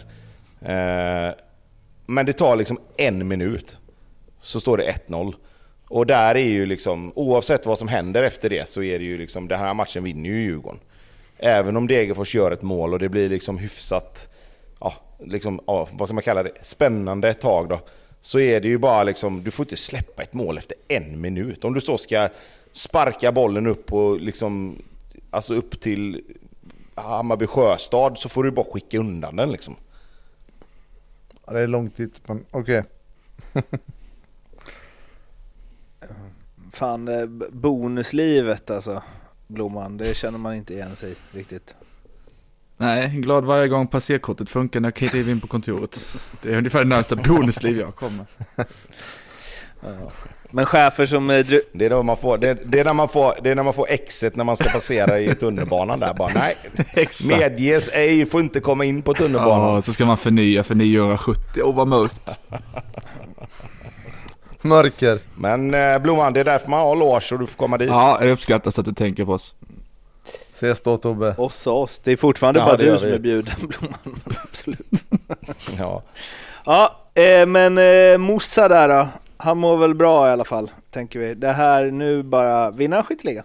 Nej det är klart inte jag. Nej, men han har ju... eh, Man fick ju ändå lite målskyttskänsla där va? Liksom de prickar honom typ. Jo, men det, jo, men det får man tycker jag, absolut. Men Lasse, du hade ju ändå en take på att han skulle vara förbannad att han inte fick göra sitt hattrick. Nej, jag var mer nyfiken på, eftersom jag och du är ganska olika som eh, i, i personlighet, hur, hur du hade tänkt efter du hade bränt den straffen. Och då sa du Jag är så van att bränna straffar så jag hade inte ens tagit den. Men, eh, nej men alltså det är klart att han, det är klart att han blir förbannad att han bränner straffen. Det är väl inga konstigheter med det. Det hade väl vem som helst blivit. Men jag tror inte han går och grämer sig över det när de vinner med 4-1 och han har gjort två och kommit liksom... Nu är han igång, nu har han fått igång målskyttet, gjort två mål. Nu är det ju, nu han, han ger ju sig själv tre, fyra matcher från start till här nu förhoppningsvis i, i, i resten av serien här och kan säkert göra en del mål till liksom. Så det, ja, ja, det, är klart, att han kommer grämer sig kanske lite grann men, men jag tror inte att det är någonting som kommer, som kommer liksom släpa med honom att nej fan jag missar straffen. Alltså, det tror jag inte. En annan hade inte sovit en blund över den där här, här, missade hattricken alltså. Fy fan. Men eh, Då hade hur ju som de, helst så, eh, det är klart, Då hade ju är 19 klart som- gubbe i vad sa Sant du? Etienne varit mer nöjd för bonusen ja, än vad du hade varit. definitivt. Jag hade inte ens tänkt på, på mina två mål innan liksom. Men de, eh, vad fan, de, Djurgården vinner och han gör två baljor, de får in den här nian som kan göra lite mål, Magnus Eriksson eh, tillbaka och det var vi inne på lite förra veckan, alltså jag tror att det bästa som kan hända Djurgården är ju att Magnus Eriksson spelar. Alltså det, det har ju varit alldeles, det tar ju för mycket energi av både tränare, klubb och spelare runt omkring. Mange ska ju lira liksom, annars ska han inte vara där. Då, då får man ta tag i det problemet efter säsongen. Och så bestämmer man sig då, ska han vara här, då ska han spela. Och då får man ju göra klart det liksom. Sen finns alltid liksom, finns, finns alltid, alltid grejer som kan påverka, är du skadad, är du ruggigt dålig form och så vidare. Men jag tycker inte att Magnus Eriksson har varit dålig när han har spelat, utan det är snarare så att tränarna tyckt att ja, men vi har en ung kille som är bättre, ja men då har han ingenting där att göra. Så, så är det bara. Fast så har det inte riktigt varit heller, utan de har ju skarvat bort Mange Eriksson för att Oliver Berg skulle spela ju. Alltså jag säger ingenting om de hade petat Mange Eriksson inte till han yngre än, typ eh, Lukas Magnus? Bergvall. Jo, jo, jo, men alltså... Vad fan, nu snackar du ung kille. Oliver Berg är ju för fan Jo, 29. 30 Ja, men fyller han idag. hade, hade de pekat, Fine då. Ja, men hade Fine, de köper Mange. Eriksson för att Lukas Bergvall ska spela, då hade du kunnat köpa det på ett annat sätt. Eller liksom så här. Men jag, jag tycker inte att... Jag tycker petningen av Mange Eriksson handlade mer om att han inte riktigt var så tongivande som de ville att han skulle vara. Och att de ville skarva lite på hur de spelar för att Oliver Berg skulle få, om man säger, sin bästa position. Eh, det, jag tror, det Ja, tycker jag så är det kan det största mycket felet väl ha de har varit. gjort. Liksom. Eh, Det, det, så kan det mycket väl ha varit, men det är också lite typiskt eh, tränare också, som inte förstår vidden av, okej, ska jag sätta Magnus Eriksson på bänken nu? Vad kommer det att innebära? Alltså det måste de ju ha pratat om. Då har de inte gjort det så är de ju, då är det ju tjänstefel rakt igenom. Och, ja, men jag, jag, jag tror att det, det, var det bästa som kunde hända i Djurgården. Eh, Oliver Berg tar en sväng till Malmö och, och Mange lirar. Jag tror att eh, för den här säsongen, sen kan de ta beslut inför nästa år och så vidare. Men ska han vara där ska han spela. Punkt. Mm. Nej, men det kan jag väl hålla med om till 100%. Men du, det här som eh, dök upp med, med Degerfors nu på kvällen då, det här med att de har skickat mail till sina två tränare att de inte ska vara kvar nästa år. Vad säger vi om det? Ja, först och främst så mailar man väl inte sånt eller? Det är väldigt konstigt. nej, och, och, nej, men jag tänker mer också så här liksom... Eh, alltså Blåvitt hade ingen supertiming på, på, på sin, ja, när de det... kickade Stare, men det här är väl ett snäpp till eller? Nej, inget, inget slå, inget slå sparka innan du vet. Kuppen, alltså. Nej, det, det gör det faktiskt inte. Det var det värsta. Men... Eh, ja, men du, du, jag alltså, tycker det här är värre för... Tobbe, jag tycker det är mycket värre. Eller hur? Ja. Alltså, jag tycker det är liksom... Du vet ju inte om de är kvar eller inte. Sen att man... Jag köper att man kanske vill... Alltså att man tänker att okej, okay, men de här tränarna har, har gjort sitt. Det är tid för något nytt. Men inte fan skickar du ett mail till tränarna där de får sparken tio, med tio matcher kvar av den här säsongen. Och så ska de dessutom leda laget hela den här säsongen. Nej, det är klart att man inte gör det. Man undrar ju nästan om mejlet gick ut till fel personer typ, eller om det skulle gå internt till några andra. Ja, eller om det ens stämmer. Men det, alltså, det var ju som vi sa, då, det är ju Plus som har kommit alltså... ut. Och, och, Solberg har ju liksom kommenterat det till ja, ja, visst. Vi fick besked att, via mail i morse, säger Holmberg. Vad är ja. det för... Är inte det, är inte det jävligt hur märkligt? Man, hur kan man skicka ett mail Det är katastrof också? såklart. Alltså hur kan man göra det? Det är, oh. det, är, det är så konstigt sånt där. Alltså... Nej, förlåt, jag, jag, måste, jag måste pudla. Detta är fan mycket värre än Stare. Ja, det är klart när jag tänker efter lite. Det är det ju såklart. Tack. Jag pudlar inte, jag kan ja. ja. Jag tycker bara det är otroligt märkligt. Att man, att man tar beslutet på styrelsenivå, liksom att nästa år vill vi inte vi vill inte gå vidare med de här två tränarna, men vi ser hur det här året slutar. Eh, oavsett vad som händer så, så börjar vi processen med att leta efter nya tränare. Men de ska inte vara kvar. Men inte fan. För det första så skickar du ut ett jävla mail. Och för det andra så går man väl inte ut med det med tio matcher kvar av den här säsongen. Otroliga moralboosten ändå med nio matcher kvar. Ja, tackar, här får ni lite energi grabbar. Nej, sen tror jag så här. Alltså är det några tränare som kanske, om man säger då, inte bara skiter i det så är det ju de två som har varit i klubben så länge och som liksom har varit både spelare och ledare under så lång tid. Men det är väl det menar, de vet när fan, de skickar du, du, det jävla mejlet? Jo, det är klart de gör, men, men fortfarande alltså, jag, jag tycker det... Respektlöst. Men det är ännu rövigare för att de vet det. Det är ju liksom som... Ja, verkligen, ja. verkligen. Men du hörde väl att jag valde ett helt annat ord nu? Det är respektlöst. Just det. Det är inte orespektfullt, det är respektlöst. Tryck, tryckte till dem ordentligt. Ja, eh, Kim Bergstrand är borta på uh, obestämd tid på grund av uh, personliga skäl. Uh, han har ju varit borta ett tag, men vad betyder det tror ni för Djurgården? Men jag tror att uh, det snarare kan stärka Djurgården. Nu spekuleras det bara såklart i vad varför eh, Kim inte är tillgänglig eh, på träningar och matcher och så vidare. Men med det jag har upplevt eh, som spelare tidigare när det har varit svåra situationer och sådär, då har man ju liksom slutit samman och kanske vill ha gjort någonting för tränaren på ett annat sätt än vad man gjorde innan. Så att, eh, jag tror inte att det kommer jag tror inte att det kommer påverka Djurgårdens spelartrupp mer än att de känner sig alltså, om möjligt mer taggade för att göra någonting för Kims skull.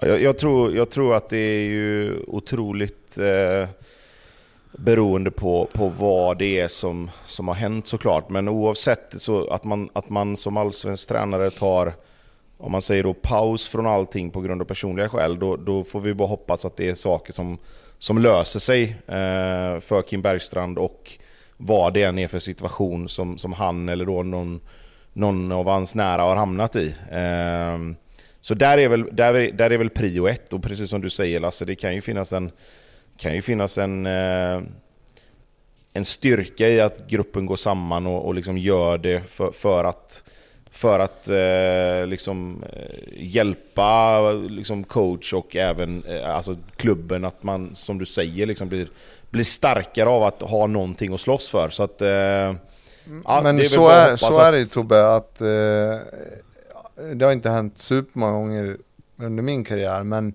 när människor faktiskt mår dåligt på riktigt, eller människor i deras närhet mår dåligt, då man får ju ett helt annat perspektiv. Man, man tittar ju på fotbollen på ett annat sätt och visst, det är ett, ett yrke och vi har ett ansvar och så vidare, men när du kan, eh, när du kan då liksom rikta en energi och en kraft mot att fan vi vill göra det här för en viss persons skull, så växer du ju det varje gång liksom. Ja, ja, ja, absolut, absolut. Och det, och det, är, klart att, och det är klart att det är så. Eh, och, och, som du säger, att man går samman mot en gemensam, mot en gemensam sak. Liksom. Det, det finns väl ingen större motivator än, än det. Liksom. Så att det, det är som du säger, jag tror... Jag vet inte om stärka Djurgården är rätt ord att använda, men att de kan mobilisera en, en kraft för att liksom göra någonting gott av det här eh, utefter omständigheterna. Det, det, tror jag nog absolut att det kan finnas en, en, en poäng i att de kanske kan göra. Joel Asoro till Mets. Alltså det, fan vad jag, vilken jävla övergång. så himla, jag vet inte, konstig. Mets, länge sedan jag ja. hörde talas om dem. Och det känns så himla ja, ja, liksom, det finns ing... Man hade inte kunnat gissa det här om man fick en miljard chanser. Nej. Den, eh, den kom ju från ingenstans på något vis. Alltså, som jag sitter och bara har ett Göteborgsskämt här nu, men jag drar inte det. Jag, jo, snälla för det. Du drog så många dåliga avspår som har hänt den här gången eller? fan, Fy fan. Jag sa ändå till er att jag inte skulle ja, men dra den. den tycker jag ändå Tobbe, det där, det där, det där håller utanför Göteborg till och med. Fyra plus. ja, eller... Fyra plus 22.57 ja, en måndag. Ja, det är bra. Eh, men eh, ja, svår, svåranalyserat hur det kommer gå för Joel Asoro i Mets också. Och han, eh, han visst blir det väl så att de överhuvudtaget, eller att han ändå hamnar i en klubb på den nivån. Det beror väl mer på att han har spelat i eh, Sunderland och Swansea än att han, vad han har gjort i Djurgården. Jag skulle nog säga att det beror mer på att han gjorde en del viktiga mål i Europaspelet förra året. Uh, han avgjorde ju ändå några matcher och gjorde några bra insatser och gjorde en del mål i, i det Europaäventyret Djurgården hade. Jag tror det är därifrån i så fall. Eh, för jag tycker liksom inte att... Alltså normalt sett skulle man nästan kunna säga att det ligger till hans nackdel att han har varit ute men inte riktigt kanske lyckats på det sättet. Alltså, det tittar ju klubbarna på och, och undrar varför blev han inte kvar utomlands. Eh, så jag skulle nog nästan mer säga att målen i, i, i Europaspelet är det som gör att man, att, att man tittar på en spelare som honom och, och att han får den här flytten. Ja, man, eh, man tittar på spets och vad kan han göra mot liknande motstånd och där har han gjort det bra så att mm, ja, det är klart som, klart som fan att de har koll på vad hans spetsegenskaper är och att ja, de tror att han ska kunna göra bra saker hos dem. Och, men, men med det sagt så så såg man inte komma liksom. Det var den Mets o... Vad var det du sa? Ja, det var den uh, Mets överraskande ja. övergången under det här fönstret. jo men det var det mm. Gå vidare. Valde han nummer 99 eller är det bara något de slarvigt satt dit? För valde han det... Då är han fan persona non grata. Ja, fy fan alltså. Om han gjorde det. Gretzky alltså. Um, alltså... Man ska väl inte spela hockey i Mets eller? Men då har, då har ju respekten för, i, för idrott dött. Om Joel Asoro väljer 99 i Mets. Alltså alla andra som haft 99 spelar ingen roll i det. Han har valt nummer 99. Äh, Död, Men får de död för mig. i, i, Nu pratar vi eh, aldrig mer om Joel Asori i den här podden. Det bestämmer vi. Så, Nej. klubbat igenom. Yes, så. BP Kalmar. Eh, så fucking dåligt eh, tyckte Amadeus Sörgard om eh, BP's eh, spel och eh, det känns, eh, alltså det känns väldigt on-brand på något sätt. Att eh, de orden kommer från Amadeus Sörgard som ju också är kapten i BP. Det var det enda jag snappade upp kring den här matchen. Ja men det var ju så Ja. fucking dåligt också. Mm. Första halvlek är ju... Ja det var det faktiskt. katastrof. Framförallt första halvlek var ju det. Och den semialbanska örnen. Just det. Det har jag glömt att skriva upp. Varför kör de den allihopa? Förra året var det Sätra, nu är det Hummet. Det måste ju vara Guldfågeln. Alltså det är ingen annan spelare i Nej. något annat lag som gör den. Ja, Jag, det- ja, jag det sitter och ska se, jag ska se, jag måste se om man faktiskt gjorde det. Man körde en sån fågel över bröstet. Sätra gjorde ju det i fjol. Men Ja, jo, jo, Det är jo. väl inte ens... Och nu gjorde hum- Det här var en stor grej innan du eh, kom åter i podden Lasse. Det var min enda stora highlight För förra varför, säsongen. varför, fir...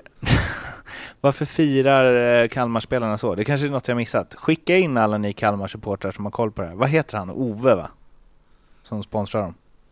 Han borde ha pejl. Sätra gjorde... Eller så kan väl någon av spelarna bara höra av sig och säga att så här är det. Ja men... Johan Karlsson eh, pratade jag med när vi eh, mötte dem. Han är ju Blåvitt-fan i grund och botten så han ska vi jobba över. Men, eh, han kan ju höra av sig och säga varför de kör den. Bra. Härligt. Det tycker jag Ja, låter rimligt faktiskt. Om det är något Blåvitt. avsnitt de lyssnar på så är det väl just det här kanske. Med tanke på... Så orkar inte ens... Vill du veta, vill du veta, nu kanske han inte håller på Blåvitt längre, gjorde jag. Men eh, han var faktiskt, han har, han har dels varit uppe på Kamratgården, jag tror fan att han har typ praoat. Eh, och sen var han inne i omklädningsrummet varje gång vi mötte Gävle. För han bodde där uppe och är därifrån någonstans. Eh, så han har jag ju liksom sett när han var jätteliten och varit inne i omklädningsrummet där med sin halsduk och allting och så helt plötsligt så springer man på honom när han har... Jag tror fan att jag hann möta honom någon gång men... Eh, Men det här är, ju, det är exakt det här som är mitt han. problem med fotbollssupportrar. Alltså, och framförallt fotbollssupportrar som spelar fotboll. Det går ju inte att hålla på ett lag, det är omöjligt. Ni, åh, jag blir så trött på det där alltså. Så, då, då är alltså, han, han spelar fotboll för Kalmar och håller på IFK Göteborg. Det sa jag inte att han gör Men det är nu. typ han det du gjorde. säger. Ja men, vad fan Lasse. Om du, om du, när du spelade i... eh, När du spelade i, vad heter det? Ja, testa Heerenveen, mig så höll du nu. väl fortfarande på Elfsborg? Jag håller på Elfsborg, Eller? ja. men jag har ju bara spelat för ett allsvenskt lag. Det är jätteenkelt för mig. Ja men han har ju aldrig spelat för Blåvitt. Eller vad? Han höll på Blåvitt när han var liten och sen har han börjat spela fotboll, det gick jävligt bra. Han spelade i Sirius, nu spelar han i Kalmar. Han kan väl fortfarande liksom när han slutar spela fotboll sen hålla på Blåvitt eller vad? Ja, nej, jag har svårt för det där, men eh, vi går vidare. Messi tror jag han håller på Inter Miami. Eller det är kanske är en annan liga. Det måste jag, såg ni hans eh, mål häromdagen förresten? Det här när han slog en Ja. passning genom hela... Alltså det ser lite... Är det, för jag lä- läste både och i kommentarerna, vissa som säger MLS är en mycket bättre liga nu än förut. Men jag tyckte det såg helt tvärtom ut. Det ser ut som att han, det Ja, ser men ut som att han här, spelar mot spelare som är fem år yngre än honom när han håller i bollen. Nej men den passningen hade han kunnat slå i La Liga Mm. också. Problemet är ju att den spelaren som tar emot den passningen hade ju börjat springa mycket tidigare i La Liga. Då hade han varit offside. När han slår den passningen nu så, så är det ju precis som att han som får den passen, han bara åh jävlar här kom bollen. Ja. Nej, jag tyckte bara att det... Nej men det är väl de som inte väljer att följa med Messis löpning efteråt. De står ju och tittar, var går passningen? Nej det är också, men det är ju lätt hänt å andra sidan. Men det, det är en hel backlinje Vi kan som inte följer med. fastna vid Messis mål nu. Nej, Kom förlåt. igen. Nej, förlåt, Nej. förlåt, förlåt. Nej, den, den, den, är, den är svår, den är svår. Mm. Det kan ni fnula på. Det blir Patreon på det med. Jaha, det var inget mer va? Jo, Nej inte mer än att Kalmar... Nej, men eh, överlag. Otroligt. Ja, nej, Nej. absolut. Men jag tycker liksom BP är ju fortfarande det här laget som... Jag tycker det ser bra ut. Lasse har varit inne på det många gånger att de skapar otroligt mycket målchanser. Den här matchen hade de ju fan kunnat vända med lite flyt. Ehm, och det är... Ja, jag vet fan. Jag vet inte riktigt vad jag ska Alltså, tycka om BP. Om jag ska tycka att det är charmigt att de skapar en massa målchanser men inte gör mål och förlorar en massa matcher nu. Eller om jag bara ska tycka att det är irriterande. jo fast uh... nu får du ändå säga, de gör ju två mål problemet är att de släpper in tre mål i en halvlek. Där de är så jävla dåliga. Det, det, är ett, eh, det är ett utspritt lag som inte har någon koll överhuvudtaget på hur man spelar liksom offensiv balans typ. Och sen när dessutom då hymmet smäller dit en eh, från 18 meter, det är ett ruggigt mål, det får man väl ge honom. Men, men alltså BP, är ju- jag tycker BP är bättre än Kalmar. Jag tycker att de, de är värda minst en poäng i den här matchen. Sen är det ju återigen det där med att det handlar ju om väldigt sällan i allsvensk fotboll nu om vilket lag som är bäst, utan det handlar om vem som utnyttjar eh, eh, motståndarlagens misstag på det bästa sättet. Och i det här fallet så gör Kalmar det bättre än BP. Jo men det är det jag menar. Jag vet inte om jag ska tycka att det är charmigt att BP fortfarande är det här liksom ungdomliga entusiasten som åker på sådana här smällar eller om jag bara ska bli förbannad att de fortfarande gör det. Alltså förstår du vad jag menar? Det är lite det jag, jag är lite kluven till det här om det är, om det är liksom kul att BP ändå kör sitt race och åker på de här grejerna från, fr- från gång till gång eller om jag, kan, om jag ska vara förbannad att de aldrig lär sig liksom. Mjällby, Hammarby. Nej. Eh, kul Blomman. 3-0 mellan dina två gäng. Mjällby, Hammarby. Jag Så, hade så, hade så kunnat hoppa förbi den här. I, i farten utan att ens tänka på den. Men ja, dina två lag möttes Blomman. Eh, det blev 3-0 till Bayern eh, ut, utan några större problem. Och på tal om dåligt Ja. försvarsspel då. Eh, Amadeus eh, Sögaard kanske skulle kolla på Mjällby för att ändå ingjuta lite mod i hans BP. Herregud vad dåligt. Mm. Ska man köra det här? 2-0 målet är typ det sjukaste jag har sett. Och glaset är halvtomt eller halvfullt. Det är en jävla bra press också va? Nej, nej inte. Nej, nej, men eh, så här. Eh, ja, 3-0, det, det såg inte jag komma inför i alla fall. Och eh, blott andra vinsten på bortaplan i år, vilket gör att vi nu går om Varberg i bortatabellen. Det var trevligt. Eh, jag tycker först, jag tycker bara en bra match faktiskt. Eh, och då ska man ändå ha med sig att det är en rätt låg ribba jag har för, för Bayern på, på gräs, tyvärr. Eh, men Mjällby har en nick i, i stolpen efter en hörna i första halvlek.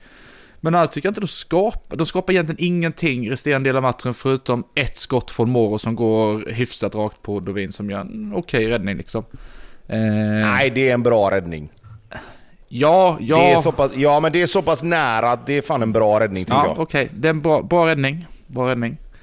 Eh, Men alltså det är klart att Alltså Bayern är ju lite bättre än vad Mjällby är. Uh, men det är också hur dum får man bli? Alltså när man mot Hammar, eller mot Elfsborg har gjort exakt samma misstag. Och så gör man det en gång till och sen tycker jag Eile får lite mer skit än vad han kanske är värd liksom. För mittbacken, vet du, han Rössler. Han, han bara sätter iväg. Så bara, men vänta nu, var fan ska du få bollen någonstans? Du ska ju, ja, ja. jag ska, jag ska vägga med dig här. Nej men jag springer rätt upp här istället. Du är central mittback. Aldrig överlappa felvänd. Det, det är det dummaste jag sett någonsin alltså. Jo, men det är Ja, också... och så är det men 2-0 och sen är det Det är finito. väl också lite, alltså jag kan ändå, ja det är dumt, men han tröttnar väl till slut. Så här, kan du sluta hålla på? Fast han och- kan inte pipa iväg bara för att han tröttnar. Nej, klart han inte kan. Nej men det är sympatiserar så här, ändå lite Andreas. Andersson säger så här, ja eh, Eile är syndabock här. Ja, Men är han verkligen Ja, det? 30 Var procent fan är du på väg någonstans? Ja, men var är, det, vart är han på väg? Nej, men men var, var, var vill du ha bollen då? Nej men skicka iväg skiten, vad håller han på med? Han har ju noll press på sig Ja, det vet han ju börjar. att han inte kommer att göra. Det har de ju säkert pratat om. Och då kommer vi tillbaka till en poäng. lång boll där. Om kan du då inte- har gjort bort dig mot Elfsborg borta och sen gör du exakt samma sak mot Hammarby hemma. Då är det lite såhär, man skyll dig själv för fan.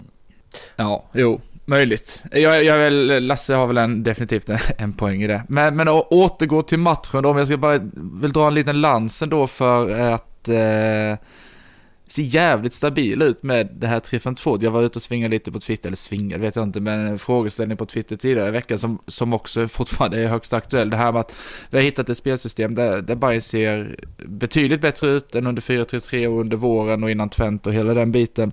Men problemet just nu är ju att vi har ingen plats för en spelare som Djukanovic. Eh, och då tänkte jag fråga er, hur gör man plats för en sån som Djukanovic som har gjort, vad har han gjort, sex mål? Eh, på inte jättemånga matcher. Nu är det ju liksom, det blir Nalic Arabi där uppe och så blir det Besara Sadiq och Hammar på mitten. Vad, hur kan man få in en Djukanovic och samtidigt behålla spelsystemet? Nej, för Eh, mig blir det ju att det får bli på bekostnad av, av eh, antingen Nalic eller Rabi i så fall. Eh, jag kan inte se honom som vänster wingback i det sättet de spelar. Nej, nej, nej. Eh, och han kan inte spela i en av de tre platserna på mitten heller tycker jag inte.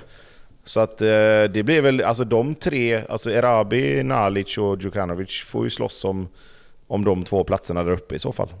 Så, Eh, svaret, är att du kan kan inte, inte se. svaret är att du kan inte få in honom i det spelsystemet som är nu. Nej, Det jag tror inte heller klart. det. Jag tror inte heller det. Nej. Men det är också så att Hammarby ser ju jättemycket bättre ut på så många sätt. Med de två där framme, så att det är bara att gilla läget. Mm. Sen var komma in, ge mål och ja, det var väl bra. Mm. Det är en delikat uppgift i alla fall eh, för resterande del av säsongen och eh, eventuellt en nästa säsong om alla blir kvar. Nej, det ser bra ut. Det ska bli kul. Det, nu är det lite häng på fjärdeplatsen också för vår del. Eh, det är ju ett eh, derbyt med stort D eh, på, på söndag. I alla fall känns det som det är nu när vi spelar i måndag kväll. Eh, ja, det, det ska bli spännande avslutning på, på serien för vår del. Det trodde jag inte ett tag i somras. Var lite halvt utcheckad mentalt. Eh, Bayern Gnaget 0-3 säger jag. Ja, vad har du på det Blomman? Eh, oj, det här, det här kan man ju få äta upp många gånger om såklart. Eh, jag tror att eh, Bayern vinner. Mm, vilken jävla hakutstickning. Ah, ja. Nej, men ja, ja men jag, jag höll mig också till det punkt där. Mm. Inte mer än så. Tekke, bye bye. Ja, i alla fall eh, lån och options bye bye Mm. till, vad var det, Apollon Limassol va? Ja, du hoppas att det går bra där va? Så de köper Alltså loss. jag, jag, jag är väl, det är väl ett, det var ett snack om Teki obviously sista veckorna. Jag är ju av den åsikten att jag tycker att Teki är en spelare som normalt eh, kanske är en av tre mittfältare i det här laget. För jag tycker att han egentligen är så pass bra. Och jag hade de förhoppningarna på honom. Jag tycker inte att han var så dålig eh, under den tiden han spelade. Som många andra tycker.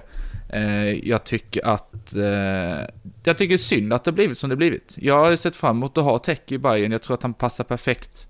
Eh, så som, som Martin vill spela. Eh, ja, synd.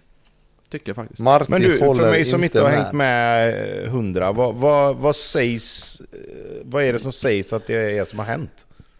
Ja, det sägs egentligen ingenting. Det har väl aldrig varit så, så tyst på Åsta angående. Men det är ju konstigt så här för någon dag innan eh, Twente borta så, så börjar ju allt för då är han ju med som en av tre på någon officiell eh, videoinspelning, tio minuter där det är lite frågor, hur känns det inför Europa-äventyret och bla bla bla. Och sen så, jag undrar, det här tar jag inte gift på, men jag är rätt säker på att han inte ens åker med ner till Holland. Och sen efter det så har vi väl inte sett han spela. Så någonting har ju uppenbarligen hänt, han har varit ute och svingat i media en gång. Och sen andra gången så sa han, inledde han intervjun med att jag ska inte göra det värre och jag ska inte säga för mycket. Och så gjorde han det ändå, så blev det ännu värre igen.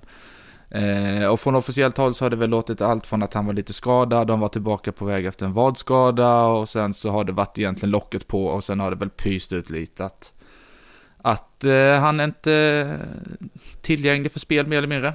Och Tecke har väl också sagt att jag, jag kan typ inte vara kvar om jag inte känner att jag konkurrerar på samma villkor. Typ så.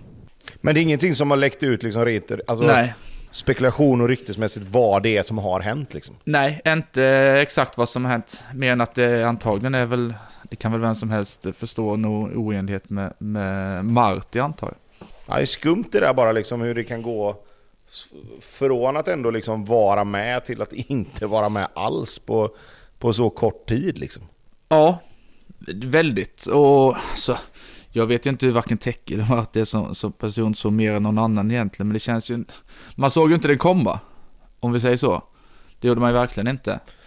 Nej, och man blir liksom förundrad över vad det är som skulle kunna ha hänt för att det ska brytas så fullständigt. Liksom. Alltså okay, att man kan vara oense och bråka, men jag menar det, då snackar man väl ihop sig och så löser man det och så går man vidare. Liksom. Det här känns ju som en grej som, vad fan, det måste ju vara något extraordinärt som har hänt. Liksom. Jag har några ruggiga spekulationer här, men vi kör det på Patreon, Mårten. Mm, fan vad nice. Inspelning tisdag 03.20. Eh, det var det va? Fan nu är jag riktigt mosig här. Täcke Ja, som sista det. grej. Oh. Oxyfuent... Va, Marty out, eller vad sa du?